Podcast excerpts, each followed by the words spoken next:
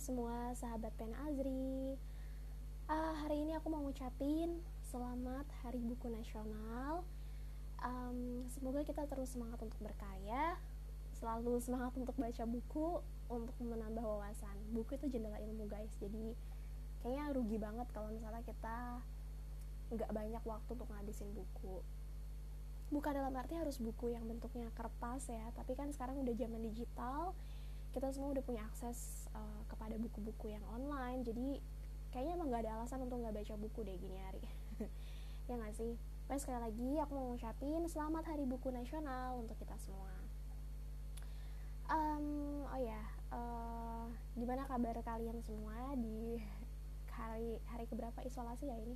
Atau udah nggak nggak ada isolasi lagi? Soalnya kayaknya aku udah lihat banyak banget orang yang keluar rumah, terus jalanan udah macet, plus lagi orang-orangnya juga nggak pada pakai masker. Sedih banget sumpah pas lihat tuh kayak ya ampun kita udah berusaha untuk uh, jaga kesehatan yang lain-lain. Terus dokter-dokter udah berjuang untuk menyembuhkan pasien-pasien covid uh, dan banyak dari orang-orang yang juga udah jaga kesehatan tapi masih juga ada sebagian besar orang yang uh, bandel. Masih ada yang nongkrong lagi ya Allah. Oke okay, um, karena hari ini adalah hari buku nasional di sini aku pengen uh, nge-review singkat salah satu novel favorit aku. Sebenarnya novel favorit aku banyak sih tapi ini yang ini salah satu yang favorit juga.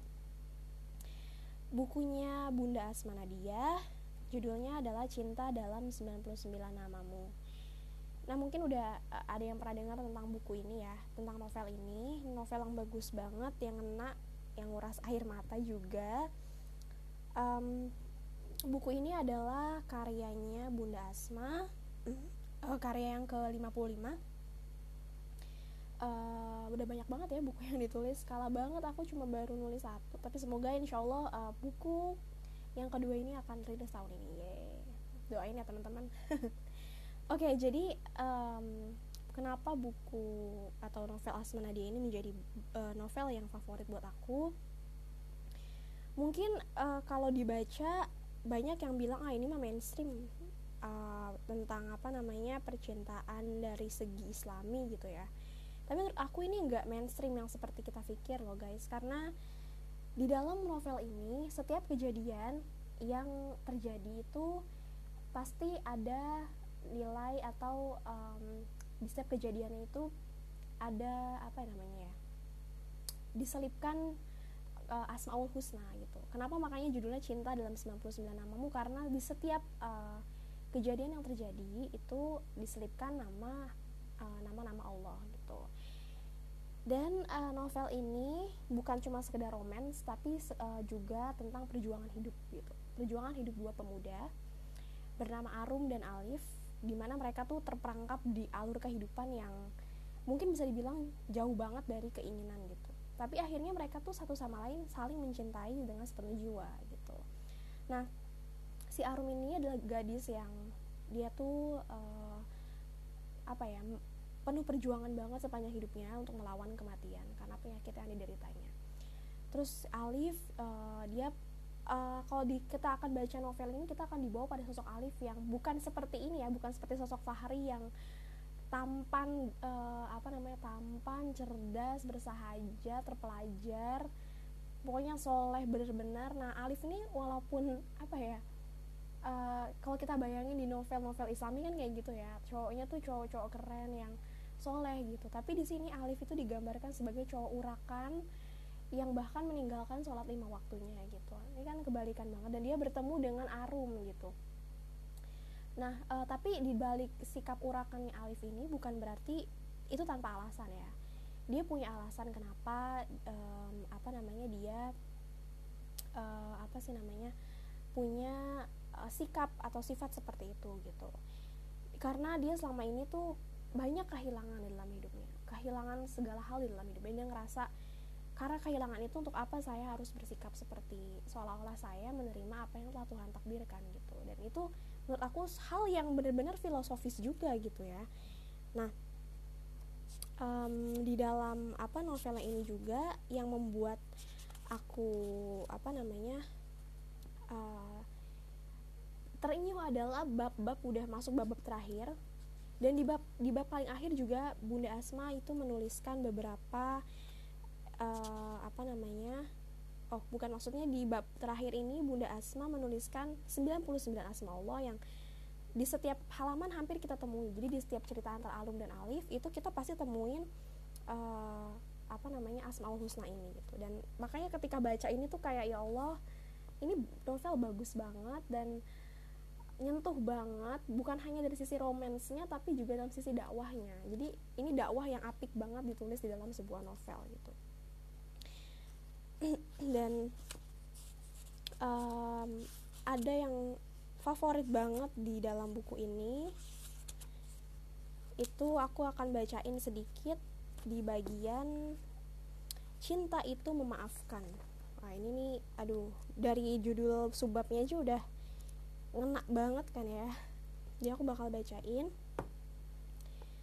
Rasa lemas dan tak berdaya terkadang masih menjangkiti tubuh setiap terbesit dalam ingatan bagaimana ia mendekap tubuh mungil arum yang berdarah-darah ke rumah sakit Tetesan darah yang mengenai tangan dan mengotori jaket Alif seperti baru kemarin terjadi.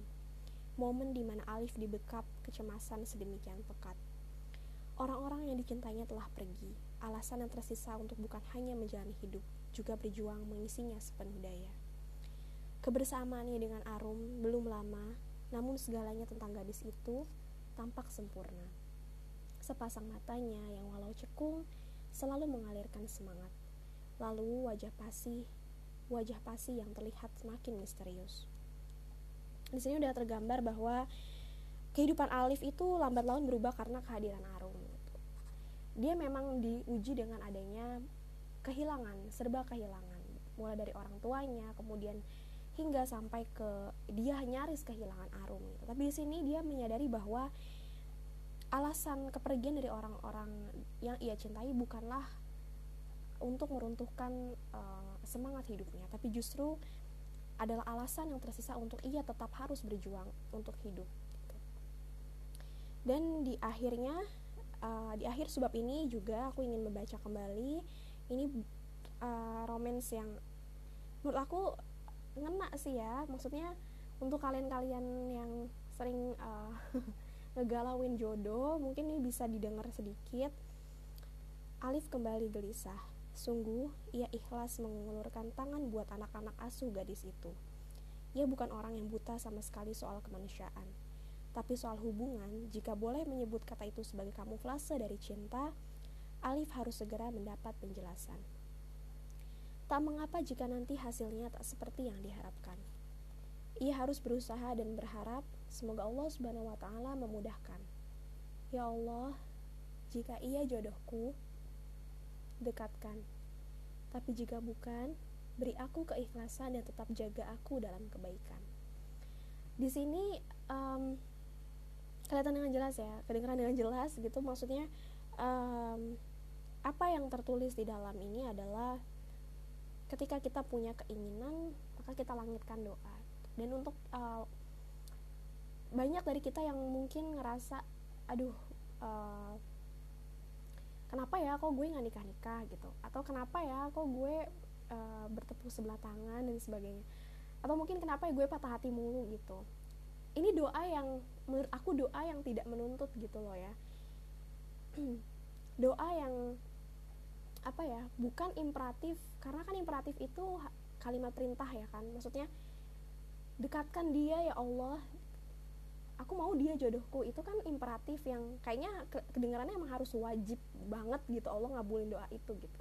Tapi di sini ada klausa kelembutan seorang hamba dalam berdoa itu di dalam klausa ya Allah jika ia jodohku dekatkan. Di sini kan artinya si penutur itu tidak menuntut Tuhan untuk Allah untuk memberikan dia jodoh seperti yang dia inginkan gitu tapi itu kembali lagi kepada Allah gitu dan di sini Penekanan dengan kalimat tapi jika bukan, beri aku keikhlasan dan tetap jaga aku dalam kebaikan. Kalau kita bisa uh, apa namanya membandingkan dengan kalimat-kalimat yang beredar di luar di luar sana, pasti banyak kalimat yang kalau dia bukan jodohku maka jadikan dia jodohku. Kayak itu terlalu gimana ya? terlalu uh, ambisius banget tapi di sini adalah kepasrahan seorang hamba uh, kepada Tuhannya gitu. Pasrah dengan apa yang ia akan terima atau apa yang akan ia dapatkan bukan menuntut ataupun menekan Tuhan untuk uh, memenuhi segala keinginan dia. Karena uh, Tuhan itu memberikan apa yang kita butuhkan bukan apa yang kita inginkan. Jadi di sini ini yang membuat kenapa novel Bunda Asma tuh selalu apa ya selalu ngena selalu dapat feelnya karena dia menggabungkan antara dakwah yang apik sekali bukan dakwah yang memaksa tapi dakwah yang kembali menyerahkan kepada kita gitu. Pilihan kita masing-masing bukan dakwah yang benar-benar harus harus harus tidak seperti itu gitu. Dan di sini tetap ada kesan remajanya tetap ada kesan keseharian kehidupan tentang romance tentang bagaimana cinta itu hidup di dalam setiap insan Nah, itu um, singkatnya tentang uh, review buku Cinta dalam 99 Namamu Asma Nadia. Nah, um, kalau misalnya kalian punya uh, pertanyaan atau misalnya punya request, mau curhat-curhat boleh, mau kirim puisi boleh, um, bisa kirimkan semuanya itu. Uh, pokoknya request kalian, curhatan kalian boleh kalian kirimkan ke email azridanti at gmail.com azri dhanty at gmail.com nah untuk setiap selasa insya Allah bakal Azri bacain terkait dengan puisi-puisi yang kalian kirimkan pun curhat-curhat yang akan kalian kirimkan ke email tersebut. Oke kalau gitu see you in the next episode. Bye bye